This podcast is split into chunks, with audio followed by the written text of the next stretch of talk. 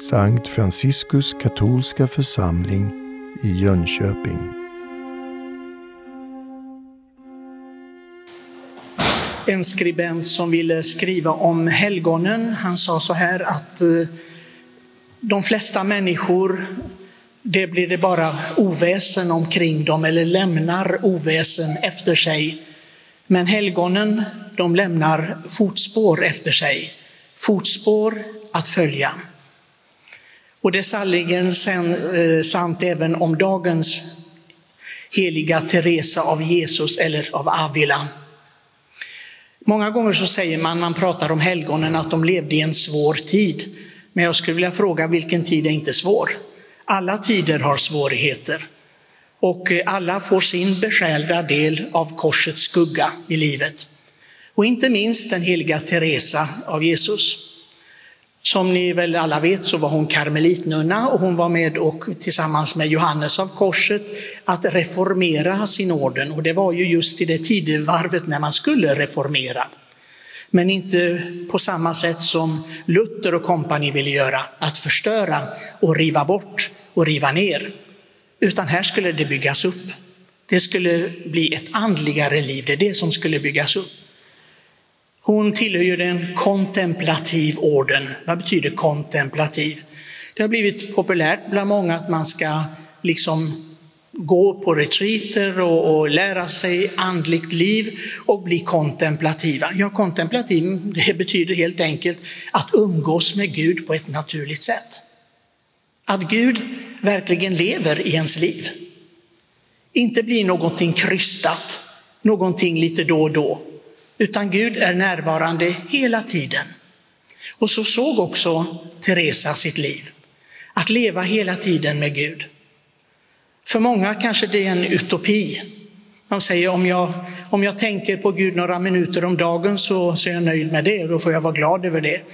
Men kontemplativa människor, de ser inte den här divisionen mellan ett så att säga, världsligt liv, det som vi lever, lever i vardagen, och det andliga livet. Utan det flyter ihop. Allting blir andligt för en andlig människa.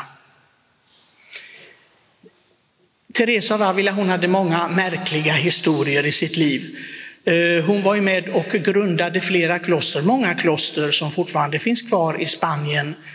Och eh, i ett av klostret eh, så eh, hade hon funderingar på men vilken relation hade hon egentligen till Herren Jesus Kristus? Och en dag när hon gick i sitt kloster så fick hon se en liten pojke springa där. Hon tänkte det var märkligt. Det får inte komma någon utomstående i klostret inte. Så hon ropar på den här, hej hej, vad gör du för någonting? Kom hit! Och den här pojken kommer till Teresa och tittar på henne lite så här eh, poj pojkstrecksaktigt och eh, ler åt henne. Och hon säger, vem är du? Vad gör du här? Du får inte vara här i klostret. Det säger jag om du först säger vem du är. Hon tycker vilken oförskämd pojke. Detta är på 1500-talet, inte idag, för idag skulle vi inte bli förvånade. Men på 1500-talet, och det var det ju också stryk som gällde så att säga. Men, men Teresa hon fattade sig och säger, jag är Teresa av Jesus. Vem är du då? Och pojken svarar, jag är Jesus av Teresa. Det är alltså Herren själv som hade uppenbarat sig för hur nära han var henne. Att han hade hennes namn skrivet i sitt hjärta. Han bar hennes namn. Det var hans identitet. Och Teresa förstod och mediterade ännu än mer över detta då, att hennes identitet var ju att verkligen vara av Jesus. Att verkligen tillhöra honom. Och därför hennes stora kärlek till eukaristin. Vi har firat, ett, åtminstone i Jönköping firade vi den salige Carlo Acutis den 12 under veckan. Som jag tycker det är ett stort, ett, ett stort namn, en stor personlighet, även om han bara blev 15 år gammal.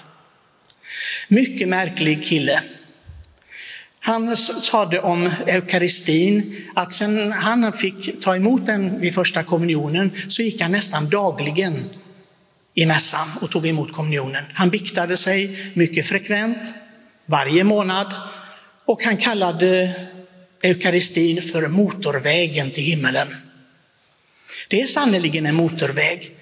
Teresa av Avila hon var så lycklig när hon sa, varje nytt kloster är en stor lycka för mig, inte för att jag får fylla det med nunnor, utan för att där kommer Jesus och var närvarande.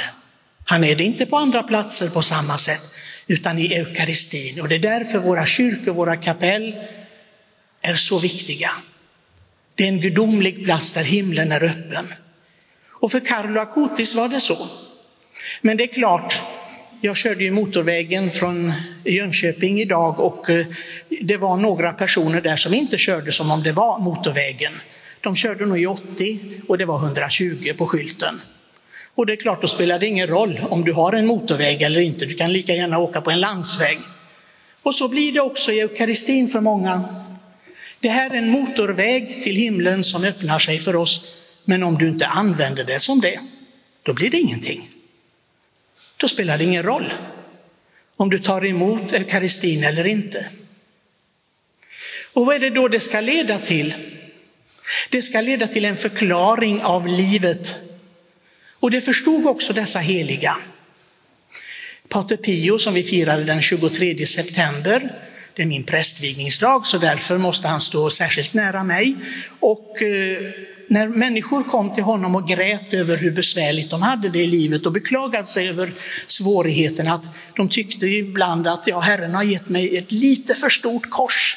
Det passar inte mig riktigt. Och Pater Pio brukade säga, alltså, bra, det är bevis på att han älskar dig. Det, ta emot det här, ta emot det här, då slipper du skärselden efteråt. Var glad över detta. Och han sa det, lidandet är bevis på att Herren har förtroende för dig, tro ingenting annat. Tro ingenting annat. Carlo Acutis fick ju för 15 år sedan, han dog faktiskt för 15 år sedan, det är, längre bort är det inte. Han fick blodcancer. Det var en katastrof naturligtvis för familjen, familjen som hade levt ett liv utanför kyrkan. Ingen fanns, Gud fanns överhuvudtaget inte med i den här italienska familjen. Det var Carlo, lille Carlo, som drog dem med sin nyfikenhet på Gud till kyrkan. Och mamman och pappan var övertygade om att den här killen, han kommer ju att bli präst. Det, det, man kan inte tänka sig någonting annat. Det, han är så uppfylld med Gud att det finns ingenting annat för honom. Han bara talar om det. Han gjorde en, en timmes tillbedjan varje dag nästan i kyrkan. När han fick besked om att det var blodcancer så sa han, jag är lycklig över att dö, ni ska inte gråta över det. För jag har levt varje stund, vad jag vet i alla fall, utan att göra Gud bedrövad. Så jag, jag är inte rädd för att dö. Och jag offrar det här lidandet för påven och kyrkan. Det är en 15-åring som talar. Jag har hört 95-åringar som inte talar på det viset, som inte får fram någonting sådant. Och de har levt i kyrkan i hela sitt liv. Den här 15-åringen talade så. Och så säger han också, han var medveten om det, precis som Pater Pio talade om, jag offrar detta som gottgörelse för allt som skulle kunna hindra mig för att komma direkt in i kyrkan. Inte undra på att påven inte tvekade att saligförklara honom. Han hade kommit direkt in i himlens härlighet. Teresa av Avila som vi firar idag, hon lottades också med, med en massa problem. Folk som var emot henne både inom och utan kyrkan, till och med kyrkan ställde henne inför inkvisitionen och ifrågasatte hennes renlärighet. De hade fått tag i hennes böcker där man hade bett henne skriva om sina andliga upp, upplevelser. Teresa var en dag väldigt, väldigt trött. Hon hon hade haft motstånd i att grunda kloster och hon, hon var sjuklig och, och så trillade hon i en trappa i klostret och bröt armen och hon tyckte det här, det här är lite för mycket nu. Herren vill pusha och pusha, jag ska göra och göra och göra och hjälpa till överallt och jag ska vara till för alla. Och så tillåter han detta. Och så i bönen så säger hon, Herre Jesus Kristus, är det så här du behandlar dina vänner? Och Herren Jesus svarar, det är precis så jag handlar mina vänner. Och Teresa kan inte tiga utan hon säger, inte undra på att du har så få vänner. Så är det. Herren har få vänner. För man förstår sig inte på honom. Om man inte lever riktigt nära honom, då förstår man sig inte på Herren. Han kan bli en vacker bild, en uppbygglig person, men man förstår honom inte. Och det är egentligen i brytandet av brödet som vi skulle förstå honom bäst. Detta är vad det går ut på. Att offra sitt liv enligt Faderns vilja och verkligen bli hans vänner, stå honom nära. Apostlarna var förskräckta över detta. De förstod att det är allvar. Men många, de står bara vid sidan om. De vill inte åka motorvägen. De vill inte göra det som behövs, det vill säga ett fullkomligt accepterande av allt det som Herren vill i deras liv. Och därför blir det ingenting. Eukaristin får inte blomstra. Ett helgon ser det alltid på ett annat sätt. Ser det inte med världens ögon. Att om jag får lida, om jag inte får det jag vill, då är det misslyckat. Så ser världen det. Om jag inte når ut och liksom blir någonting, blir erkänd, ja, om jag inte blir tillfredsställd med livet, då är det misslyckat. Varför lever jag då? Helgonen, de ser Jesus. Om han har dött bort från sig själv för att ge liv för andra, för att världen ska få liv, då ska jag också göra det. Då ska jag också gå den vägen. Må den helige Pater Pio, den salige Carlo Acutis, den heliga Teresa av Avila be för oss så att vi också går samma frälsningens och helgelsens väg. Amen.